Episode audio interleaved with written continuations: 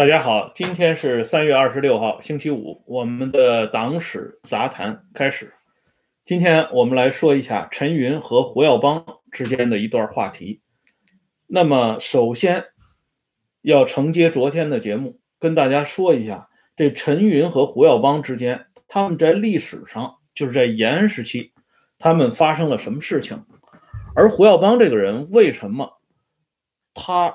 仅仅做了七年多的最高领导人就黯然下台，这么一个短暂的春秋，来自于什么样的复杂的原因和背景？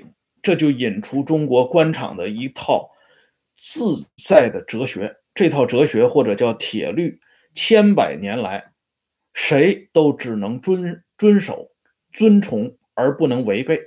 一旦犯了这个忌讳，不管你位置多高。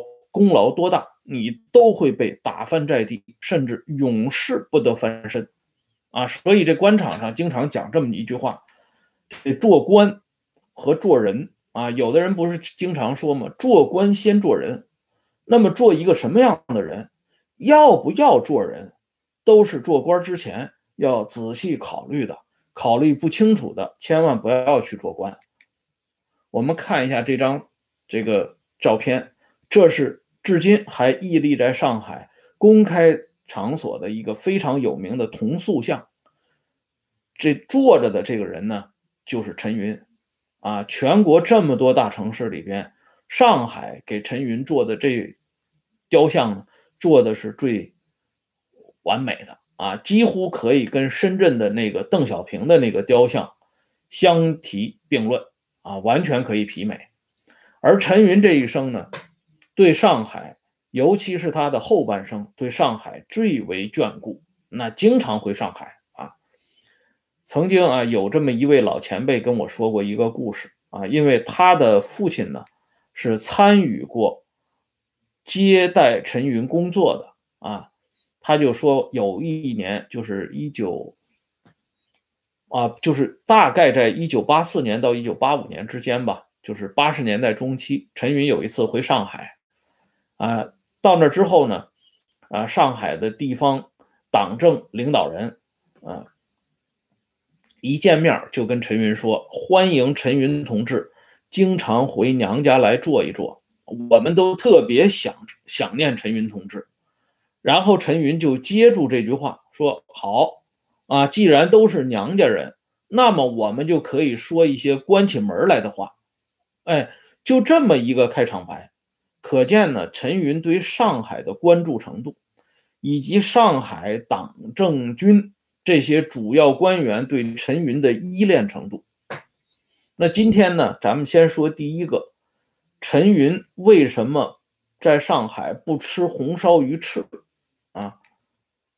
大家从这些照片里边也可以看到啊，陈云在上海休养的时候是非常放松的啊，甚至呢，一条腿可以搭在这个沙发上边。而从那些正襟危坐的照片当中，我们又可以看到陈云在北京是一个什么状态。而且从老江时代开始啊，这上海的党政最高领导把陈云当成祖宗来供，已经成为惯例。老江之后的吴邦国也好，黄菊也好啊，凡是陈云到上海。他们必定是倾巢出动，全线陪同啊，不敢有任何的疏忽和怠慢。那么接下来这一幕就发生了，这是发生在九十年代初的一段往事，是由这个人来回忆的。这个人是谁呢？就是曾经长期担任过周恩来保健医生的张佐良大夫。这老张呢，他也是上海人。啊，他曾经啊给这个董必武董老看过病，口碑非常好，所以呢，这些领导人后来就把他宴引到西华厅，做了周恩来的保健医生。周恩来、邓颖超两口子走了以后，张佐良就做了陈云的保健医生。那张佐良晚年写了一本回忆录，这本回忆录当中就说了一段故事。就是陈云为什么在上海休养期间他拒绝吃这个红烧鱼翅。这个故事是怎么来的呢？我们看一下，这个事情啊，是发生在九十年代初。因为陈云当时啊，身体呢有一些小毛病，需要常年的休养，而且呢还伴随着虚弱，所以包括张佐良在内的这些身边的工作人员就给陈云做思想工作，让他吃一点这个山珍海味啊进补。所以陈云呢就同意了，说就吃一点鱼翅吧，啊红烧鱼翅。哎，有一天晚上呢。大家都商量好了啊，将红烧鱼翅用小碟子盛了一些，啊，同平时陈云的用餐一起端上去。哪知道陈云吃到了一半，就派人把张佐良叫到了餐桌的旁边。陈云不吃了，张佐良就知道啊出问题了，赶紧跑过去。陈云跟张佐良说了这么一番话。他说：“以后啊，不要再搞这些贵重的东西吃了，我的营养已经够了。”啊，甚至呢带着一点批评的口吻说。而张佐良发现装红烧鱼翅的那个小碟子呢，陈云大概只吃吃了三分之一，没有多吃。啊，这样呢，张作良就向陈云保证说：“以后我们不搞鱼翅了，不过呢，您可以吃一点鱼丸子。”啊，也是增加营养。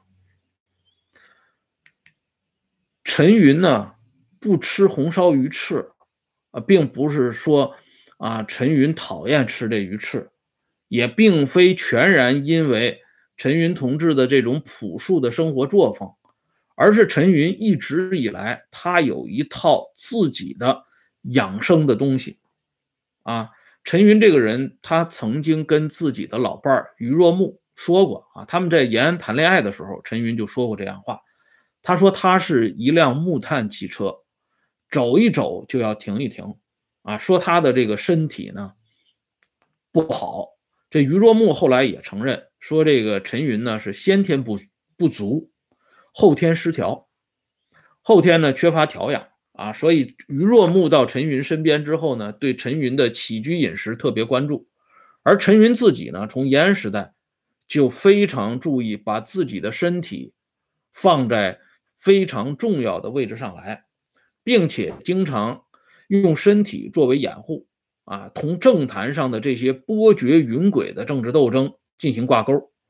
所以，伟大领袖后来曾经对高岗说过这这样的话：说陈云这个人不行啊，一到关键时候他就病了啊。其实也不是陈云故意装病，问题是他那个先天不足的身体啊。就到关键时刻就不再跑了，谁让人家是木炭汽车呢？这木炭燃尽了，汽车就要停放一段时间。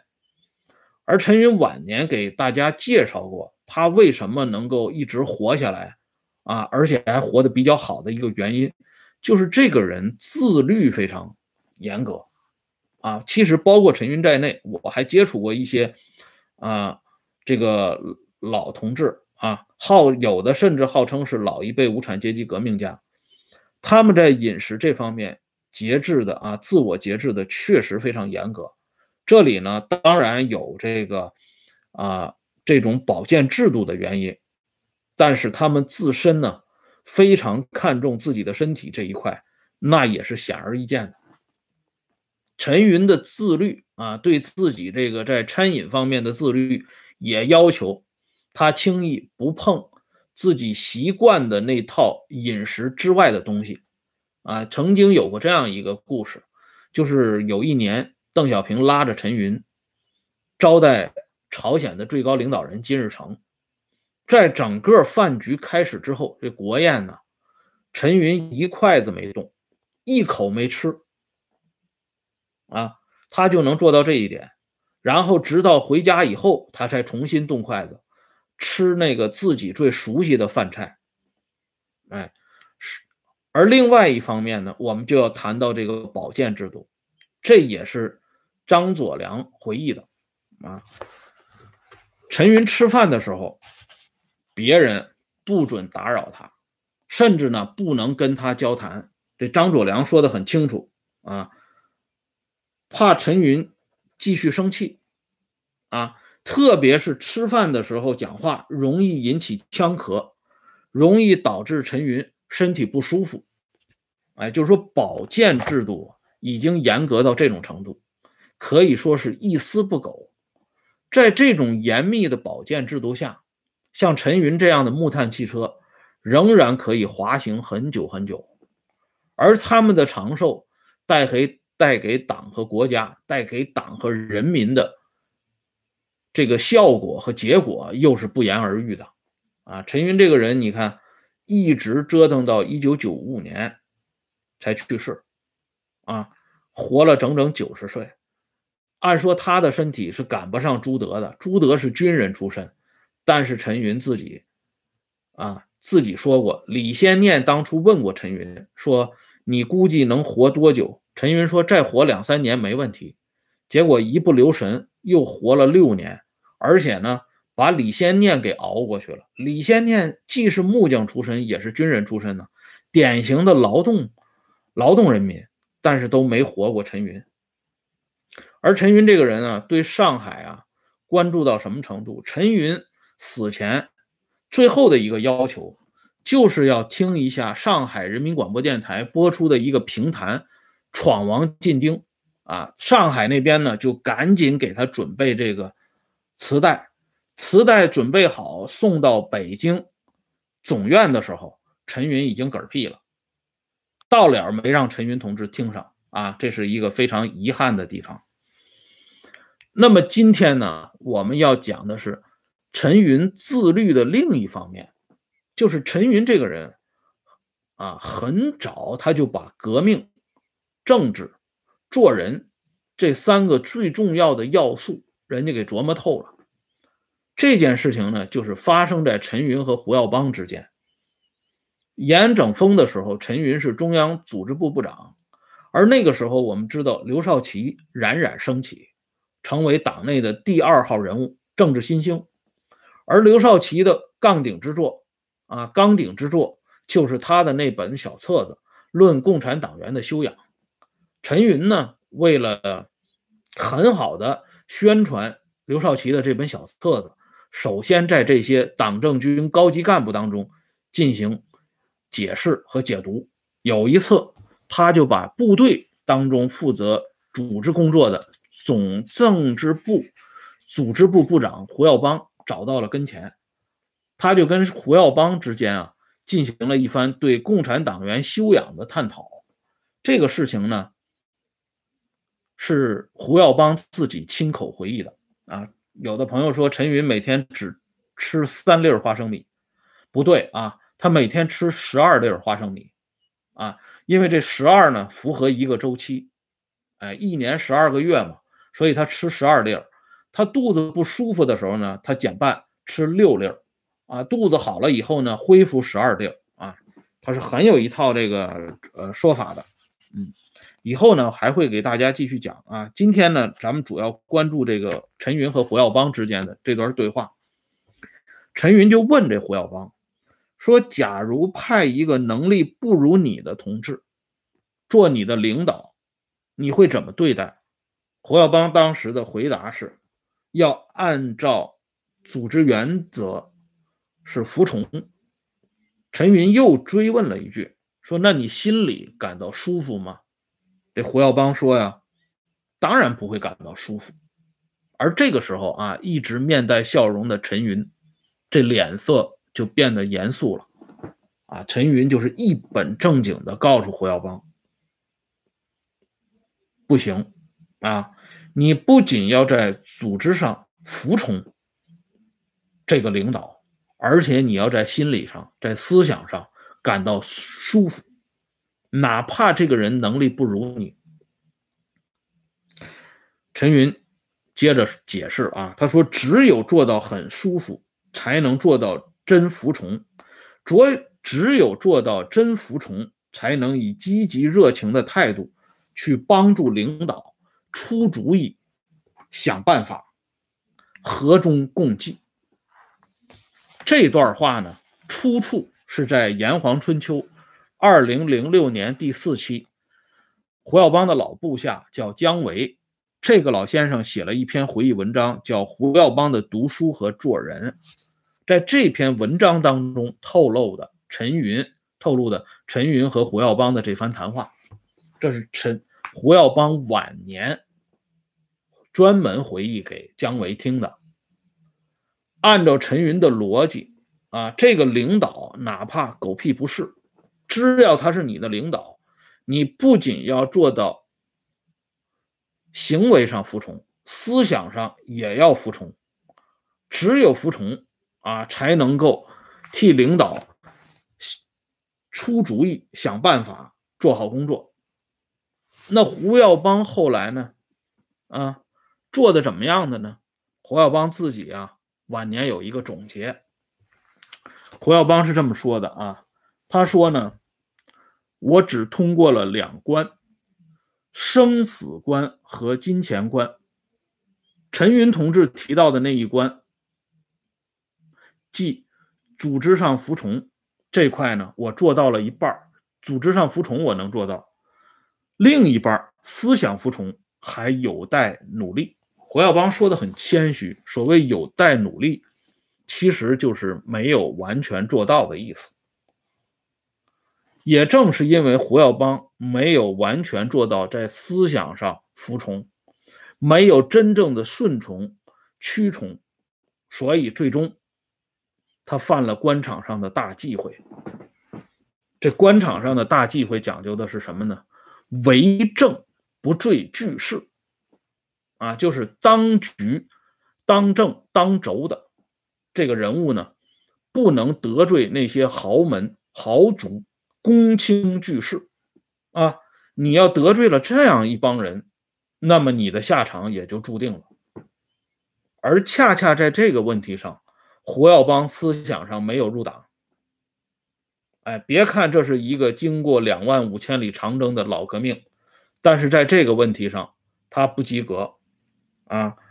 昨天我们不说到了吗？胡耀邦做批示，导致上海市委第二书记胡立教。的儿子啊，就是胡立教姐姐的孩子啊，胡立教收为这个养子，胡小阳啊，以及陈其武的亲生儿子啊，陈小萌被判处极刑，这在高层上引起极大的震动。然而与此同时，同时呢，胡耀邦又动了一个人的奶酪，等于说把这个人的老窝给抄了。这个人，大家看一下照片。这是经常在伟大领袖身边转悠的人，谁呢？胡乔木。哎，因为胡乔木的儿子犯了事儿了，结果呢，胡耀邦做主，公安机关专门到中南海里边去办案，啊，就进入到胡乔木的儿子的这个家里，进行呢证据方面的追索。这件事情。当然会引起轩然大波，而被触动的自然不仅仅是胡乔木一个人，这些老家伙们，包括陈云在内，都坐不住了。啊，这样一个人在延安的时候就培养他，就谆谆教导他，啊，要学会共产党员的修养，啊，要做到思想和组织上的双重服从。可是胡耀邦。做到这么高的位置上，手里有了这么大的权力，居然敢对胡乔木这样的人动手动脚，那如果听任他发展下去，那局面就不好控制了。所以，正是由于这八十年代中期这个严打斗争深入到高层之后，被叫停。啊，当然对民间这个没有放松，一直搞到一九八七年。但是对于高层这块，被这些大人物给叫停了。如果再不叫停，那接下来发生什么事儿都不可想象。在叫停的同时，也把胡耀邦给叫停了。胡耀邦就是在这种大背景下黯然下课的啊！当然了，给他罗织的一些罪名啊，什么这个抓这个资产阶级自由化不利啊等等这些，那都是欲加之罪。哎根本原因是胡耀邦不合拍那么换上来的人呢，就要比胡耀邦聪明的多。我们来看一看换上来的这位老兄是谁呢？哎，大家一看就知道了，至今啊还活在人间，啊，将来相信也会活在全国各族人民的心目当中。啊，看他跟狐狸教晚年谈笑风生的样子，就知道人家为什么能长期稳坐钓鱼台。而此功另外的一个高招在哪里呢？咱们留待明天接着说。感谢朋友们上来支持和收看，欢迎大家关注“温相说时政”会员频道，每天都有更新。谢谢，再见。